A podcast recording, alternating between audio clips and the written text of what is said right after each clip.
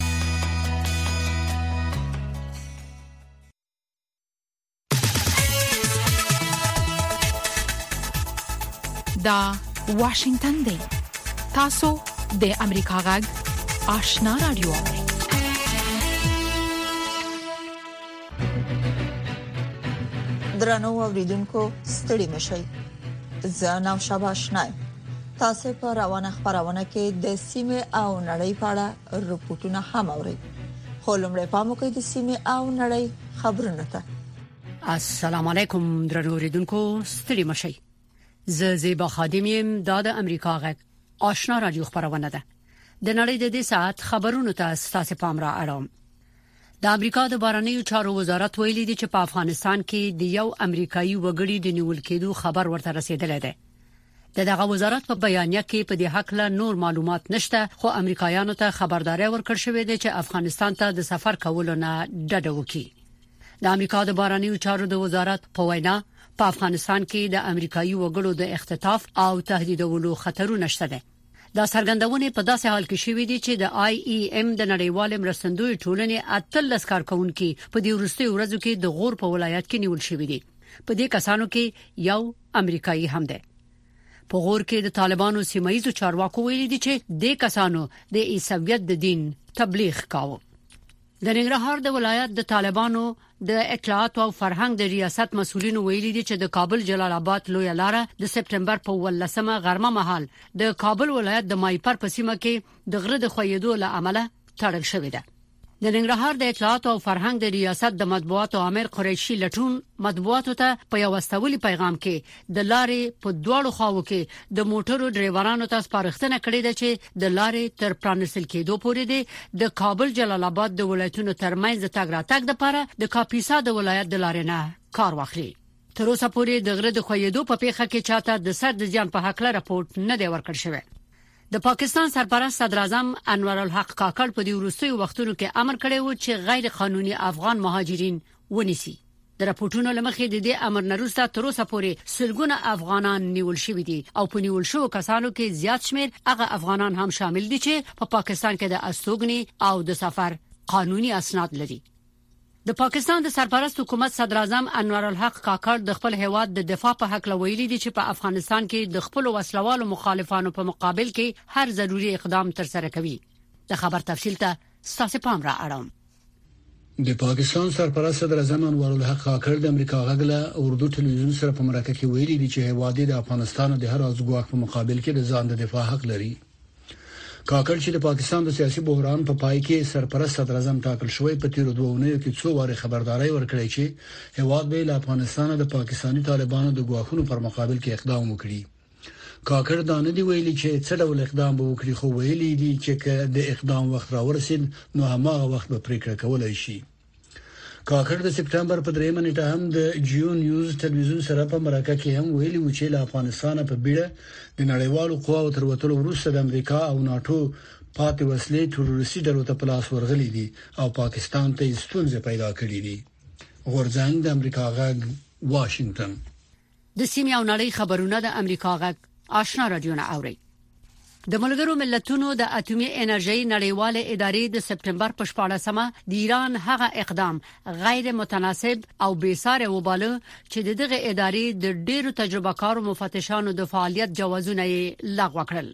د ایران د بارنیو چارو وزارت په جواب کې ویلي دي چې دغه اقدام د امریکا د متحده ایالاتونو، فرانسې، جرمني او برتانیې د سیاسي ناوړه استفادې په جواب کې شوې ده. دغه مفتشان د موجوده موافقې لمخې په ایران کې د اټومي فعالیتونو د تصدیق او سار لپاره ګمارل شوی وو. د شمالي کوریا مشر کیم جونګ اون د یک شنبه په ورځ د سپټمبر په 18مه روسیې ته خپل د یوې هفته سفر بشپړ کړ او په ارتیوم نیمه سیمه کې بیرته خپل زغروال اورګاډي ته وخوت او شمالي کوریا ته روان شو ارتیوم د شمالي کوریا سرحد ته سیرمه د روسیې د خازان تمزی په 250 کیلومتر کې پروت دی د شمالي کوریا مشر خپل هواده بهر لک سفرونه کوي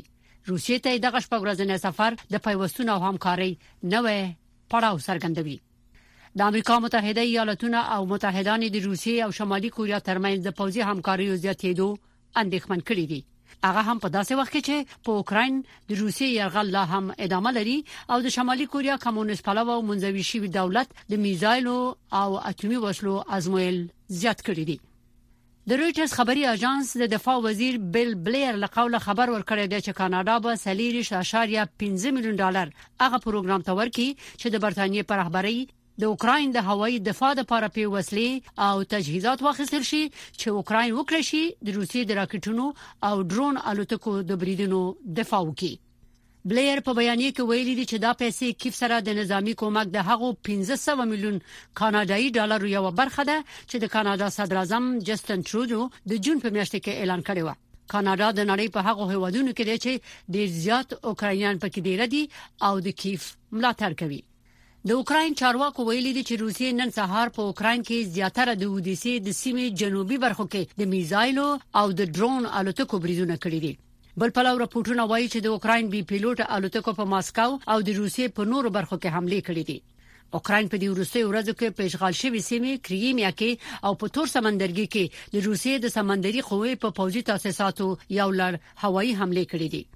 د ماسکو ښاروال ویلي دي چې د پنځشنبه په ورځ لږ تر لږه دوه بي پیلوټه الوتکې د ماسکو په فضا کې غورځول شوې دي د ملګرو ملتونو د بشري چارو د همغږي اداره او چاوي د لیبیا په سیلاب ځپلو سیمو کې لا هم د خلکو د ژغورلو هڅې روانې دي اوچا وایي چې یوازې د درنا په ښار کې د مړو شمیر 11300 کسانو ته رسیدلی دی د دې ادارې په وینا په دغه ښار کې لزر او سل کسان لا هم تری تم دي او یو سل او یا کس نور د لیبیا په نورو برخو کې مړ شوی دي د اوچا په اټکل خای د مړو شمیر زیات شي ځکه چې د پلټنې او ژغورنې عملیات په پرلپسې ډول ادامه لري. اروپايي کمیسیون د اوکراین د غلې په وارداتو د بندیز د ختمولو د پریکړې دفاع کړې خو تایید کړې ده چې په دې حق له نور خبرو ته ضرورت شته ده دا بندیز بلغاریه، هنګری، پولند، سلوواکیا او رومانیا ته د اوکراین د غلې صادرات محدودوي او د اعتبار مدعي بیګا د اروپאי کمیسیون د پریکړې وروسته پای ته رسیدلې ده او د ناروی یو لوړ رتبه پوځي چارواکي ویلي دي چې د ناروی پولو ته نږدې په شمالي قطب کې د ډیره روسي قواو په شمیر کې کمواله راغله ده د ناروی د جګړې له پیلېدو نه مخکې د روسي پوځیانو د شمیر په پرتله اوس د روسي د پوځیانو شمیر 40% کم شوی دی ناروی په شمالي قطب کې د روسیې سره ګډه پوله لري زیبا خادم امریکا غږ واشنگټن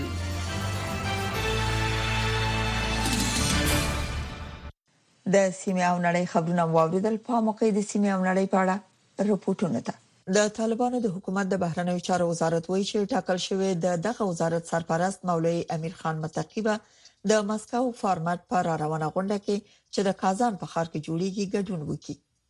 د سیاسي چارو ځنې افغان کارپوهان وایي چې تر اوسه د مسکو فارمټ د غونډو نو وخت د افغانستان په وضعیت کومه څرګنده اغیزه نه لرله په دې اړه نور تفصيل زموږ د همکار اکرام شینواری پر رپورت کې اوري د طالبانو د حکومت د بهرنی چارو وزارت وایي چې ټاکل شوی د افغانستان په اړه د مسکو پرمټ راتلونکي غونډه کې د دغه وزارت سرپرست مولوی ابیر خان متکی په مشرۍ د طالبانو د حکومت یو پلاوی ګډون وکړي د دغه وزارت مرستيال وایند ضیاء احمد تکل د افغانستان ملي تلویزیون ته چې د طالبانو لخوا اداره کیږي په یو مرکه کې ویلي چې په دې غونډه کې ښاغلي متکی ته د ګډون بلنه ورکړل شوې او هغه هم دا بلنه منلې ده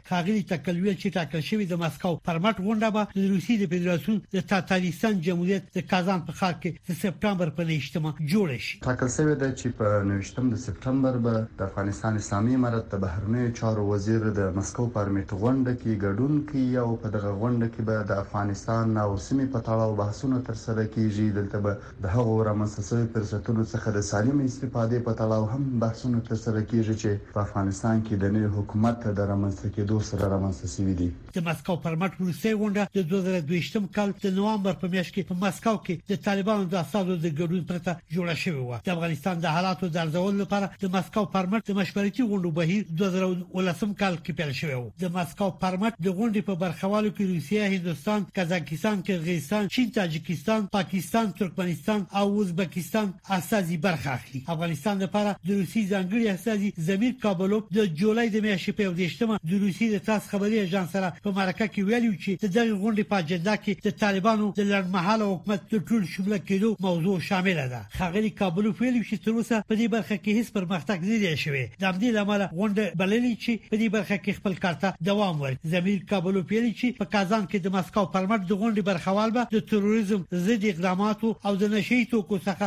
زیږیدلو جنایتو اړوند مسلو باندې هم خبرې وکړي هغه ویلي چې د طالبانو حکومت تر څنګ د دې غونډې ته د بلل شوو نیمایي استازو په دې غونډه کې له وړاندې خپل ګډون تایید کړی دی طالبانو په 2020 کال د اګست په میاشت کې یو ځل بیا په افغانستان کې واک ترلاسه کړی خو په تیرو څه باندې دوه کلونو کې تر اوسه د طالبانو حکومت د هیڅ کوم هیواد یا نړیوال سازمان لخوا په رسمیت نه دی پیژندل شوی خو د چین روسي اروپایي ټولنې او یو شمېر ګاونډیو او سیمې د هیوادو سفارتونه او نمایندګۍ په کابل کې پرانیسي او په یو شمېر هیوادو کې د طالبانو د حکومت دیپلوماتان د افغانستان په سفارتونو کې هم په کار بوخت دي د سیاسي چارو یو کارپوه کاظم اول حسن حقیقت د مسکو پر مټ د روانې غونډې په اړه امریکا غږ ته ویل چې دا به د طالبانو حکومت ته یو بل ښه فرصت وي ترڅو د خپل پالیسیو په اړه د غونډې ګډونوالو سره خپل نظرونه شریک کړي باوري یم چې د امارت چارواکي به د دې ناستې په حاشیه کې د نورو هیوادونو سره هم کیني او ځان ته به ښه کمپاین کوي او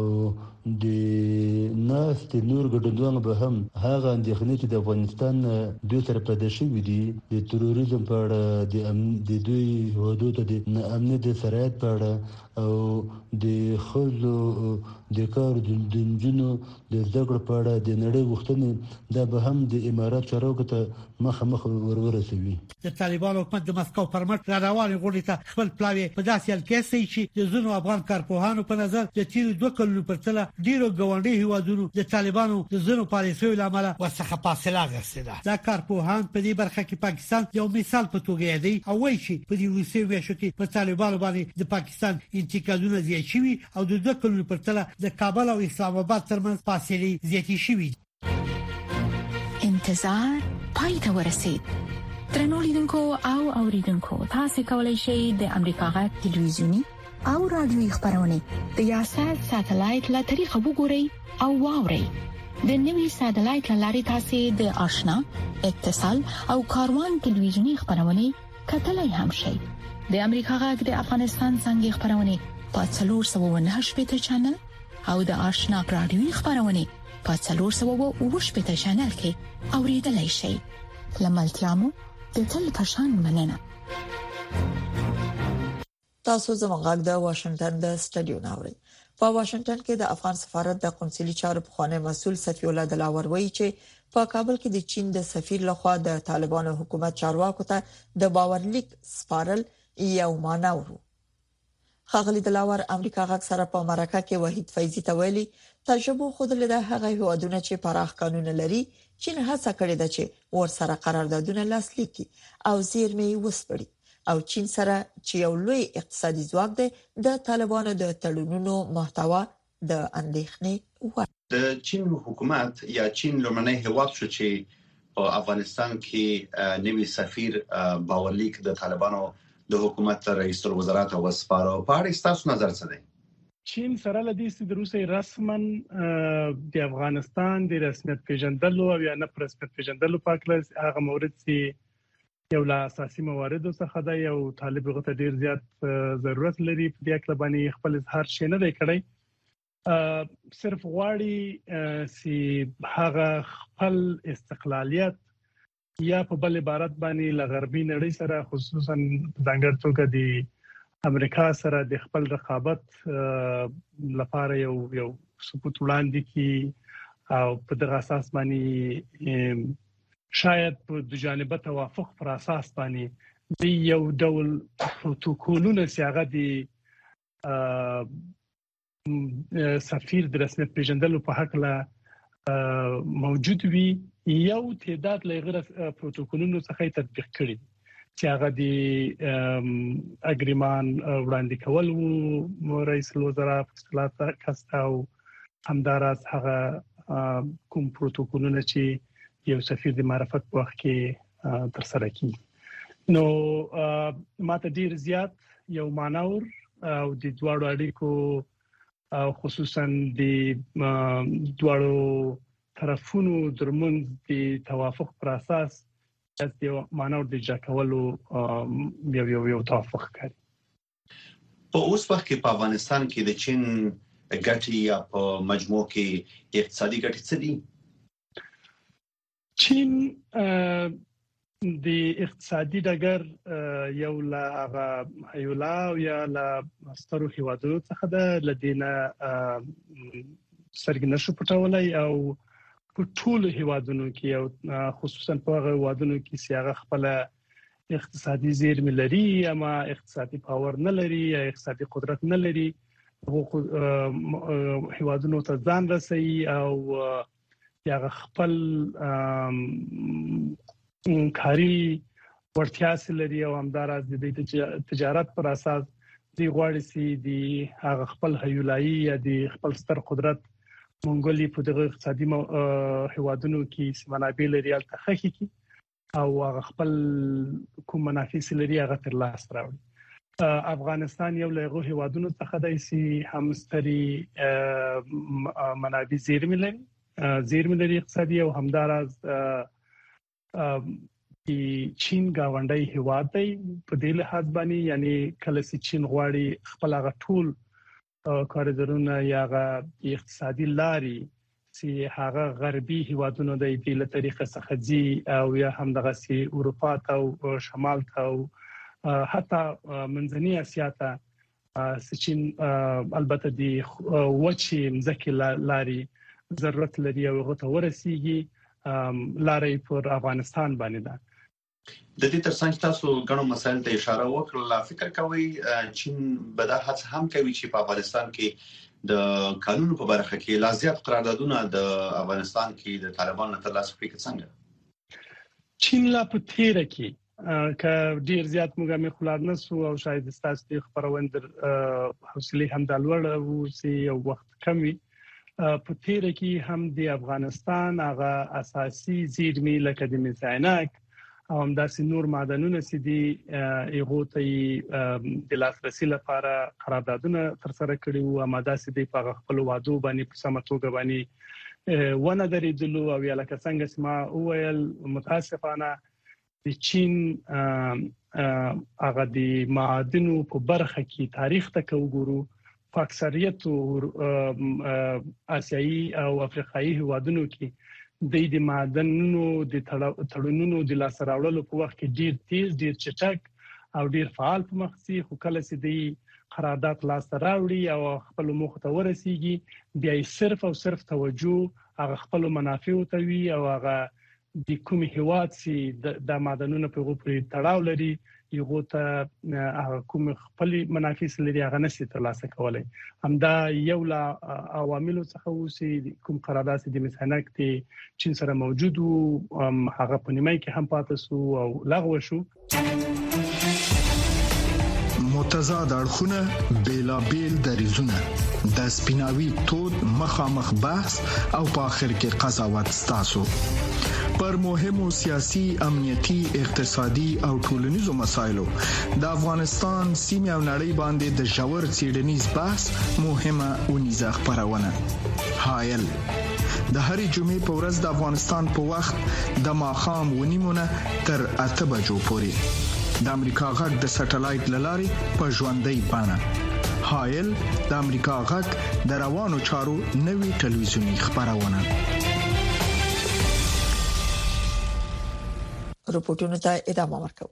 د سپین ماڼۍ د مالی مرستې په ترڅ کې د ډیرو برېښنايي موټرو د تولید په مخه د امریکا د متحده ایالاتو ځینو ایالتونو ځانګړي قوانين رامنځته کړي ترڅو د برېښنايي موټرو د چارج د سټیشنونو لپاره له غوړه ټکنالوژي نه کار واخیستل شي په دې اړه پام وکړئ رپورت ده د برېښنايي موټرو څښتنان چې په ګډ کور کې ژوند کوي او یا هم په لوی لار باندې سفر کوي ډېر ځلې د موټر د چارج کولو د سټیشن په موندلو کې لستونزو سره مخامخ شوي دي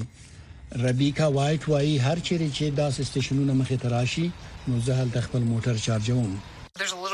په دې ساه کې دغه ډډه یو څه سوځیدلې ده یوازې دلته که موږ په داسې یو ځای کې ژوند کولای چې ګراج درلودای نو موږ به یو ساکت په دیوال کې نصب کړی وای او موږ به مو هلته خپل موټر چارجولې موږ دا اسانتیا نه لرو مجبور یو چې د یو بل کومکی لاین په واسطه خپل موټر چارج کړو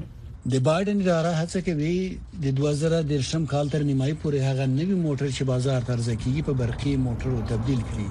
او دا به په نوې چارجیدونکې ټکنالوژي باندې چارجیږي سپینه ماڼۍ د هیواد په کچه ټولو ایالتونو ته 15 میلیارډ ډالر ورکوي ترڅو د چارجولو چټک سټیشنونه پر جوړ کاندي د تکزاس ایالت د نورو ایالتونو په پرتله ډېرې پیسې ترلاسه کړې دي په هیوستن کې د انرژي ستراتیژیست کامرون پربرګ وایي د ښار دننه او د باندې په لویو لارو کې به برقي موټرونو ته د چټک چارج سټېشنونه جوړ شي. تاسو به ډېر ژر د ډي سي په نامه د ټیکساس په ټولو برخو کې داسې د موټرو چټک چارج سټېشنونه ووینئ چې د څو ساعتونو پر ځای به په څو محدودو دقیقو کې موټر چارج کړي. نو کله چې دا مرکزونه فعال شول، نو تاسو به بیا وګورئ چې په لویو لارو باندې سفر څومره اسانه تمامېږي. د تسلا کمپنۍ په لومړي ځل برقي موټر جوړ کړ او په بیلابیلو برخو کې د چارج مرکزونه پرانیستل خو اوس دوی د موټر جوړولو نورو کمپنیو ته هم اجازه ورکړې ده چې په بیلابیلو ځایونو کې د چارج مرکزونه پرانیزي د فورد کمپنۍ د می په میاشت کې لومړنۍ کمپنۍ و چې د چارج سټیشن جوړ کړ او بیا ورپسې جی ایم مرسيډس بنز ولوا او پلاستر دې کار ته ادامه ورکړه د برېښنايي موټرو سیډونکای لورین مکډونالد وایي د برېښنايي موټرو په صنعت کې ورسته له تسلا څخه د برېښنايي موټرونو د سری او ژر چارجیدونکو سټیشنونو جوړیدل یو لوی بدلون دی if you're driving a non tesla you'll now have the potential که تاسو غیر له ټسلا موټرو بل موټر چلوي نو اوس به په دې پوهیږئ چې د پخوا په پرتله د موټرو د چارج سټیشنونه دوه چنده شوي.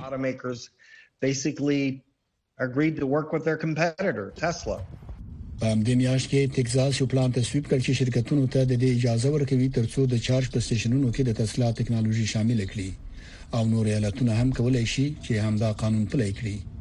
شنونکي وایي چې دا به د تسلا کمپنۍ او ستیفنی تیرل په شان د نورو برخي موټرو چلوونکو لپاره لوی بریاوي کوم چې له ډېر وخت نه چټکو چارج سټېشنونو ته انتظار باسي.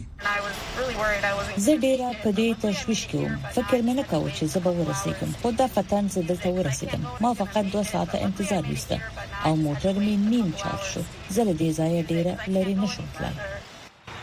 په داسې حال کې چې برقي موټرونو د ګړندي چارج د جوړولو لړۍ به یو څه وخت په ټوله نړۍ کې ونیسي، خو د چارج جوړولو نوي اډپټرونه به د ډېرو چلوونکو سره مرسته وکړي چې ډېر ژر یې موټر ورته چارج کړي. غورځنګ د امریکا غږ واشنګټن. دا د امریکا غږ آشنا رادیو ده په افغانستان کې د ماشومانو د خوارځواکۍ کچه ورځ تر بلې لوړیږي د خوړو نړیوال پروګرام ویلي چې د افغانستان په 15 ولایتونو کې د ماشومانو د خوارځواکۍ کچه تر بیړنۍ اندازې لوړه ده ډاکټران وایي د عامه پوهاوي نشتون خوارځواکۍ ته زمينه برابره کړې ده او د خوارځواکه ماشومانو کورنۍ د مرستو غوښتنه کوي د دې موضوع تفصيل د شمس آريان پر رپورت کې اوري د افغانستان په کلیو او ښارونو کې د خوارځواکه ماشومانو تعداد مخ پر لوړېدو دی د ملګرو ملتونو د ماشومانو ملاتړ صندوق یا یونسیف په خپل وروستي راپور کې ویلي چې یوازې د دوه زره دوه ویشت او درویشت کلونو په شپږو میاشتو کې په کابل ښار کې تر دوه سوه زره پورې ماشومان د خوارځواکۍ له کبله ماینه شوي دي. سل زره میندو ته مشورې ورکړل شوې دي او تر دوه ویشت زره پورې ماشومان د خوارځواکۍ په وجه په روغتونونو کې داخل شوي دي. د خوارځواکه ماشومانو کورنۍ وايي چې د دوی اقتصادي وضعیت ښه نه دی. دا وال ښه وه وخت وخت سي پیدا سي وخه و بیا کرا کرا د پنځه سوی تغذی باندې دا وخت تاسو ولا د اسلامي امارات نه مخاص دا چې مرسته وکي حکومت کې چې دا ماشومان له دغه مرز څخه خانواده همدا کمک وکي کورنۍ سره چې دا له دې مرز څخه اغسي او خسي دوی بیرته دا دوه شپې کېږي چې دلته موږ بستر یو او خپله ډېر وس کې کمزوري یو حالات هغه مو ډېر ضعیفه د اقتصادي حالات نو موږ له حکومت له امارت هغه دا غوښتنه لرو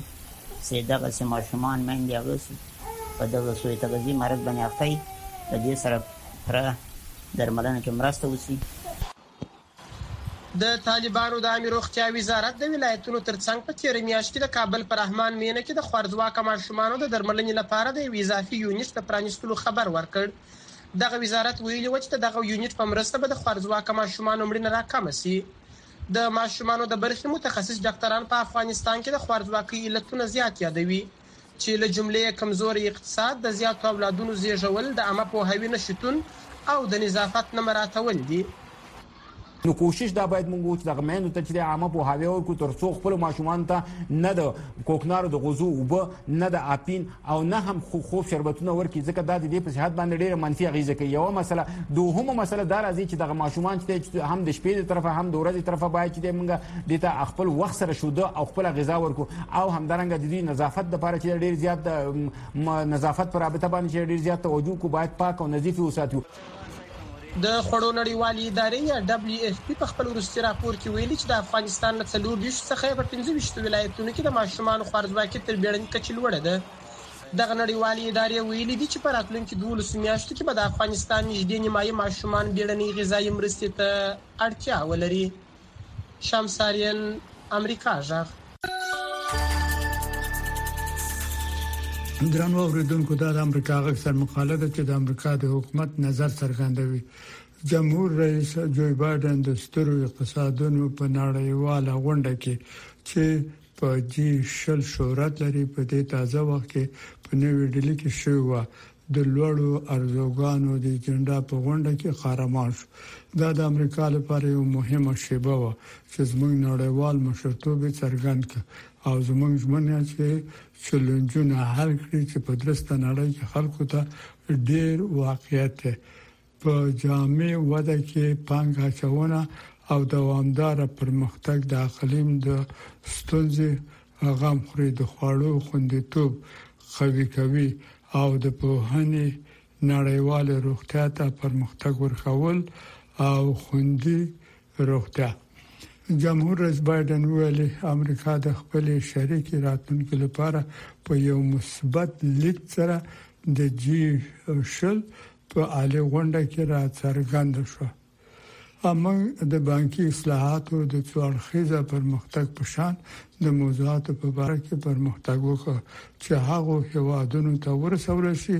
چې نه نسمن نشتمن دي مګر د مخه به مستحق نه وي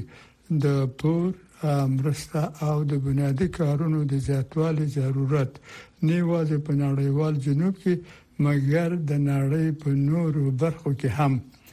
امریکا د هند، سعودي عربستان او د متحده عربي اماراتو، فرانسې، آلمان او اروپایي اتحادیې سره یو مهمه ژمنه اعلان کړه چې په ګډه کار وکړي چې د اقتصاد یو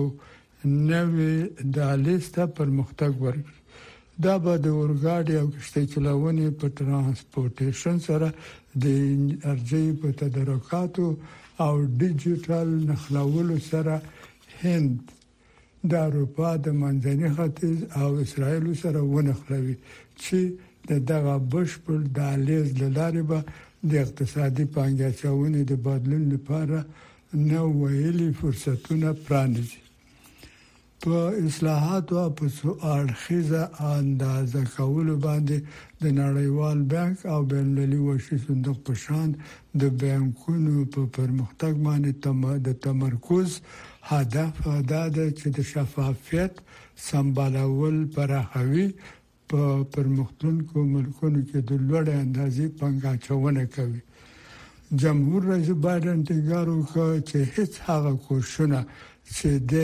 مشري کوي داسې نه دي شوي چې د چین ولسی جمهوریت ته تاوان ورسوي د ویل زه غواړم چې په اقتصادي توګه چین کامیاب ووینم مګر زه غواړم چې د مقرراتو په تعقیبولو سره دوی کامیاب ووینم. بله موضوع چې په جي شل کې ورباندې خبرې وشولې هغه په اوکراین کې د روسیې بې رحمه او غیر قانوني جنګ و. جمهور رئیس بایډن څرګنده کړه که څه هم چې د عالي غونډې ګډې اعلامیې په ښکاره توګه روسیه ونه غندله او د دې ضرورت په باره کې په کوټه کې په کافي اندازه د عادلانه او دوامدارې سولې لپاره موافقه وه چې د ملګرو ملتونو د منشور د اصولو او د ملي حاکمیت او ځمکني تمامیت لپاره احترام وو. امریکا به د خپلې ژمنې د یوې نښې په حیث په دوه زره شپږ ویشت کال کې د جي شل د عالي غونډې کوربه وي، خپلې ژمنې د یوې اعلامیې په حیث چې د مهم فورم په باره کې کار کوي چې د نړۍ د ډېرو مشکلو ستونزو حلولو وړ ده. درنو اوریدونکو دا و د امریکا غږ سر مخاله چې د امریکا د حکومت نظر څرګند درنو اوریدونکو خبرونه په هم دي چې پای ته ورسیده تر بیا خدای مل شي